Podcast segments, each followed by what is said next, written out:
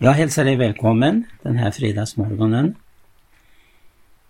Jag ska eh, ta upp eh, någonting som eh, vi får undervisning om genom Bibeln som handlar om den helige Andes verk. Och vi kan säga så här att eh, allt Guds verk börjar med att den heliga Ande börja verka på människors hjärtan och sinnen. Och jag vill eh, hänvisa till vad som gäller för hela den bibliska eh, historien. Det som vi har nedskrivet i de samlade böckerna som kallas för Bibeln. Och där så begynner det med att Guds ande verkade. Det var det första vi möter i första Moseboks första kapitel. I detta mörker och kaos så verkade Guds ande. Jag tänkte också i fortsättningen eh, i några program ta upp det här om vad Bibeln lär om den heliga Ande. Det finns då många områden som eh, vi upplever att vi behöver den helige Ande. Och eh, allt begynner också för individen med en pånyttfödelse som blir utfört utav den helige Ande. Att bli född på nytt, det är någonting som den heliga Ande eh, ger eh, genom att eh, Guds ord kommer till människan och Guds ande den eh, verkar då genom det ordet som varje människa då får ta emot för att bli född på nytt. Så var det också med, i skapelsens begynnelse, att den heliga Ande verkade igenom det ord som Gud uttalade, Gud sa och det skapades någonting. Anden verkar genom ordet och det är ju genom den heliga Ande som ordet blir levande gjort för våra hjärtan. Guds ord, det verkar, men inte utan den heliga Ande, utan det är när den heliga Ande eh, finner en öppning som den utför sitt verk genom att ordet blir stadfäst. Som jag sa finns det ju flera områden här. Väldigt intressant att ta del av Bibelns undervisning. Hur den heliga Ande också inte bara föder en människa på nytt, att hon blir ett Guds barn, född av Anden, utan att hon också är kallad till att få uppleva att bli uppfylld av Anden. Därför skriver Paulus så här i Fesebrevet. Eh, att de inte ska dricka sig druckna vin, till därav kommer ett oskickligt levande. Låten eder fast mer uppfyllas av Ande. Det är det andra steget och det är det vi känner till också genom eh, det som skedde i Jerusalem på pingstdagen, att man blev uppfylld av den helige Ande. Man hade blivit född på nytt, men det nästa steget var det som löfte som Jesus gav till sina lärjungar att när han kommer hem skulle han utbeda sig Fadern om att sända anden. Och då är det ju frågan om att Eh, den heliga Ande ska utföra ett verk igenom de som är födda på nytt.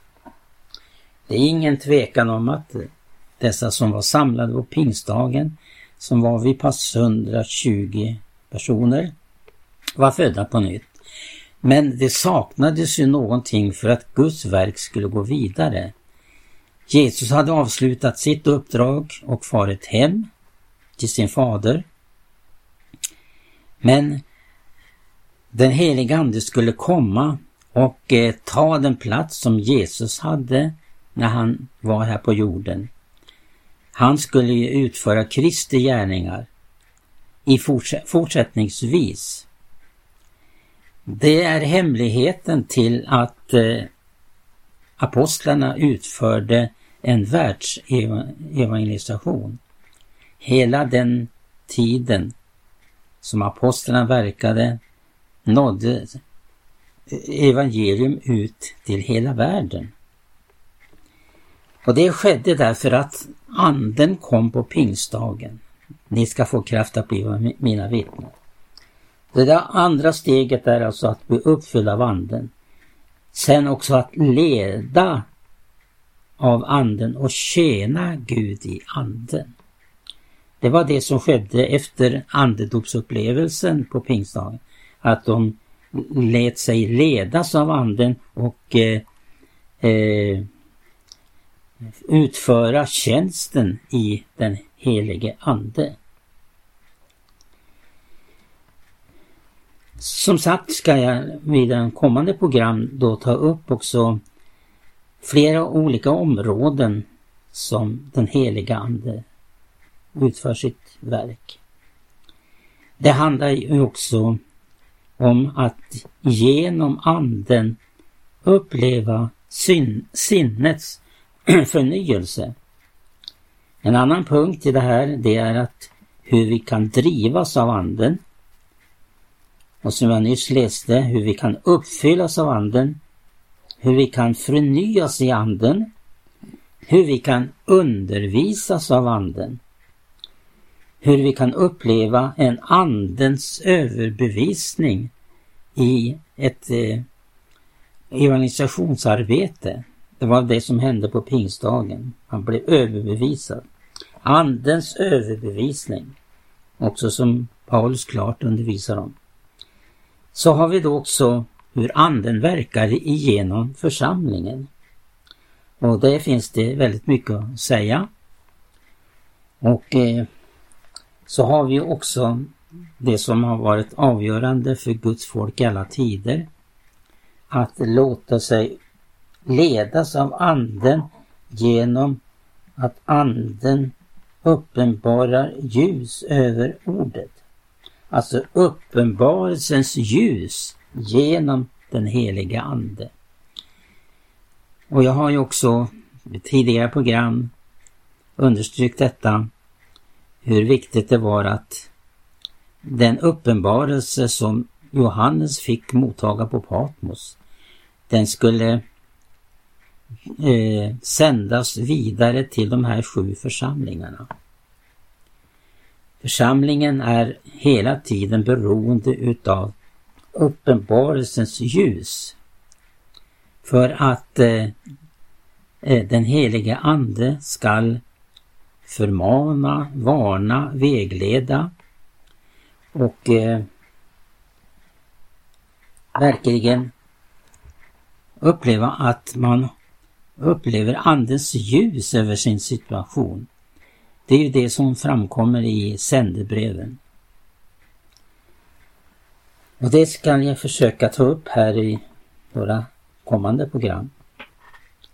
Men nu vill jag först också understryka detta, vårt beroende utav den helige Ande. Och hur det som alltid varit avgörande om det Guds verk som vi upplever ska få eh, eh bli beståndande så är det ju naturligtvis viktigt med Andens förnyelse.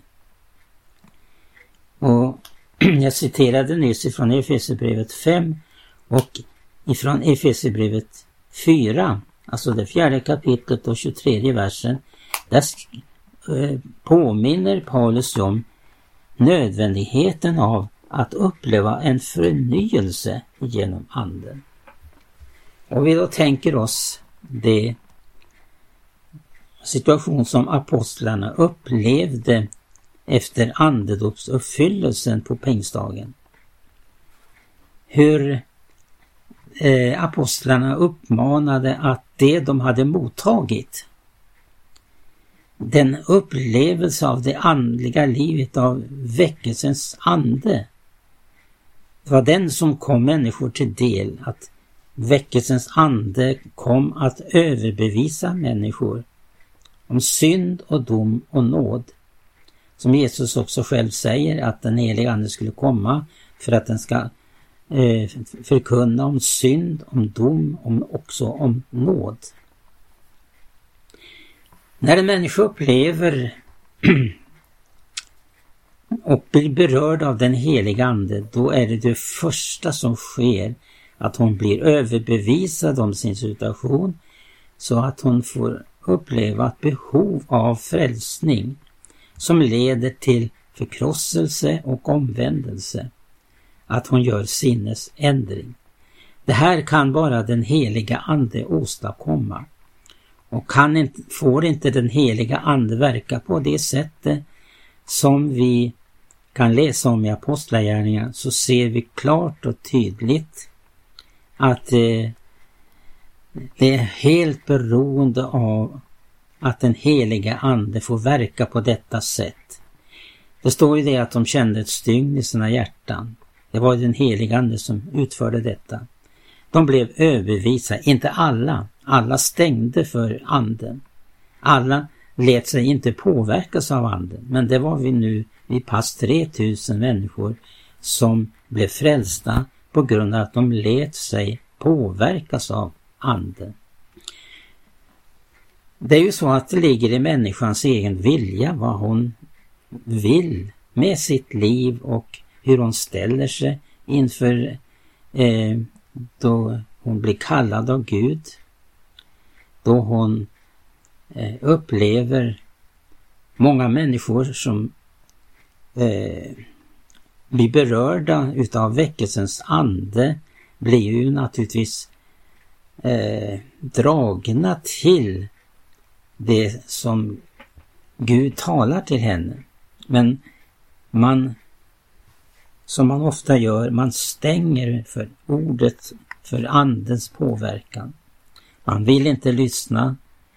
Många så låter då budskapet som går in i ena örat gå ut genom det andra och det blir ingenting av det som Gud vill.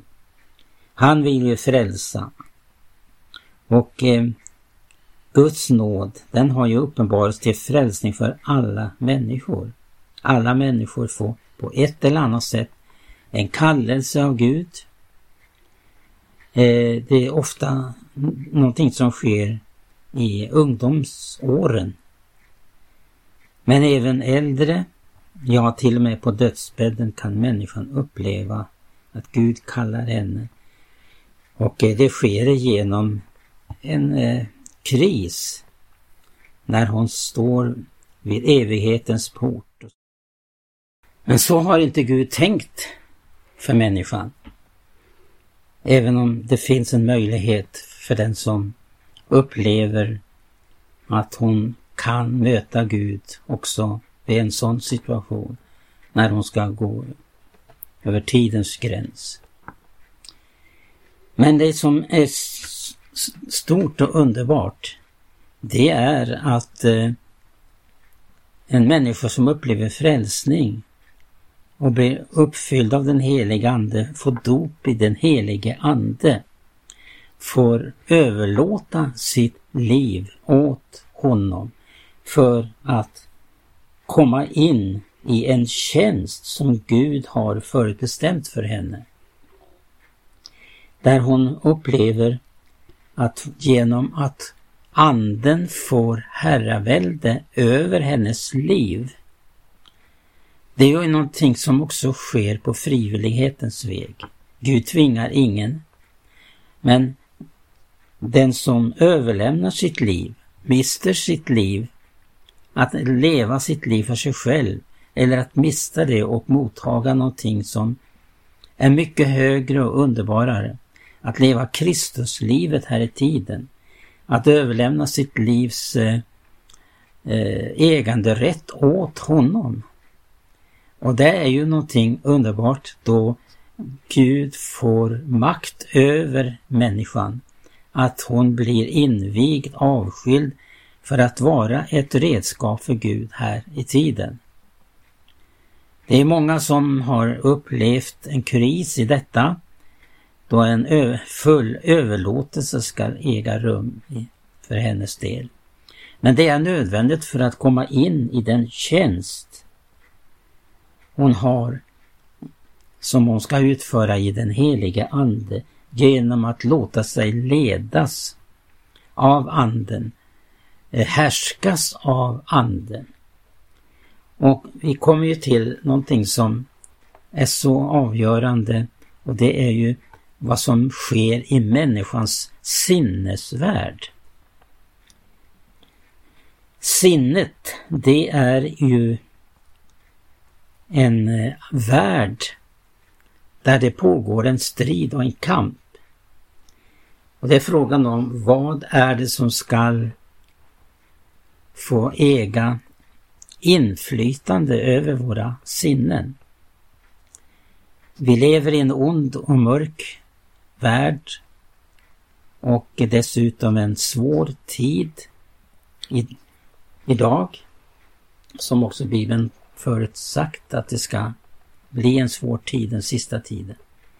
Men det finns en väg till seger där den heliga Ande får förnya människans sinne så att eh, man stänger alla portar, sinnesportar för det som existerar i den här världen.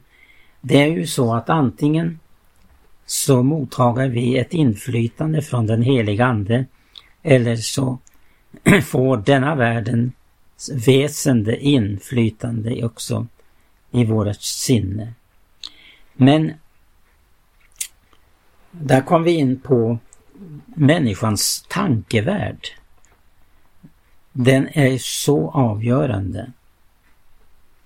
Därför att enligt vad Paulus säger så genom Andens förnyelse så får vi uppleva att Anden utför sitt verk i våra sinnen.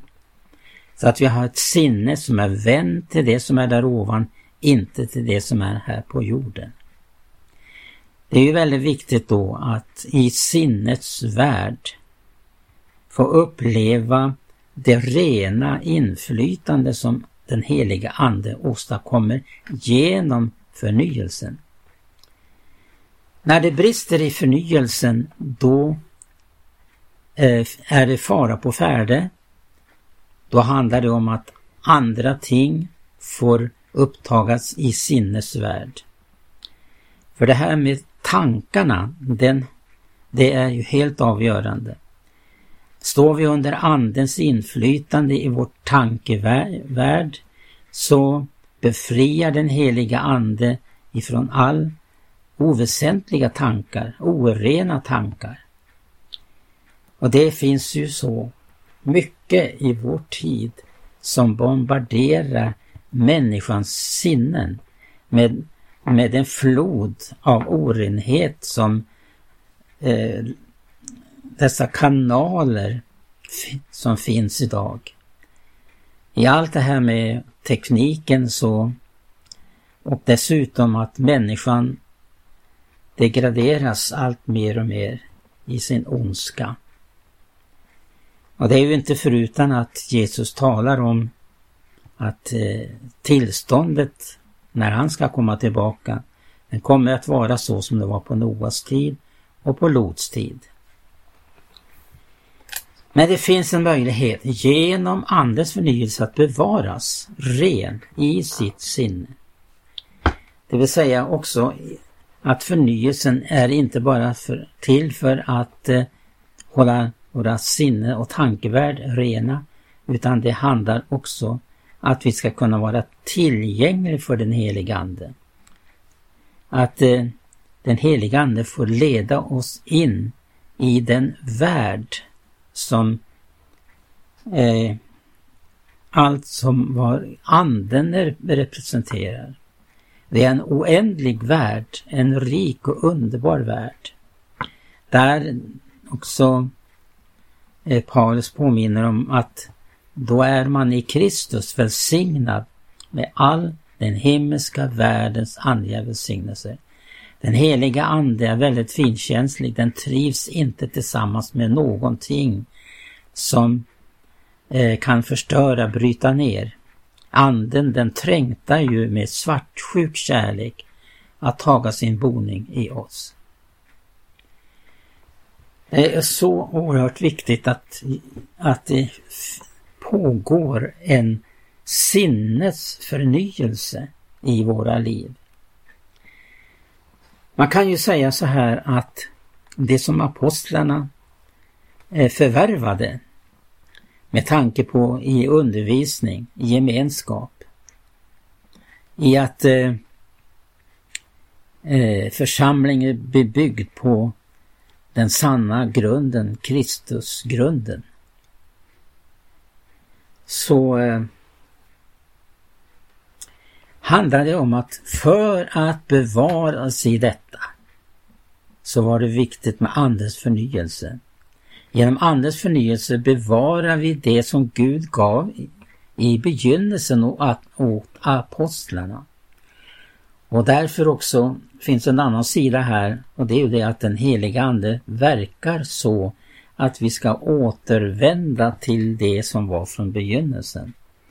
Det här är ju ett ord som jag ofta återkommit i våra närradiosändningar och det handlar ju om att åter till Bibeln, åter till det, det ting som Gud har givit genom apostlarna. De förkunnade ju evangelium oförfalskat och rent. Och han uppmanar Paulus, speciellt i Efesierbrevet, om att uppleva Andens förnyelse för att vi skall bevaras, för att de skulle bevaras från det som var från begynnelsen.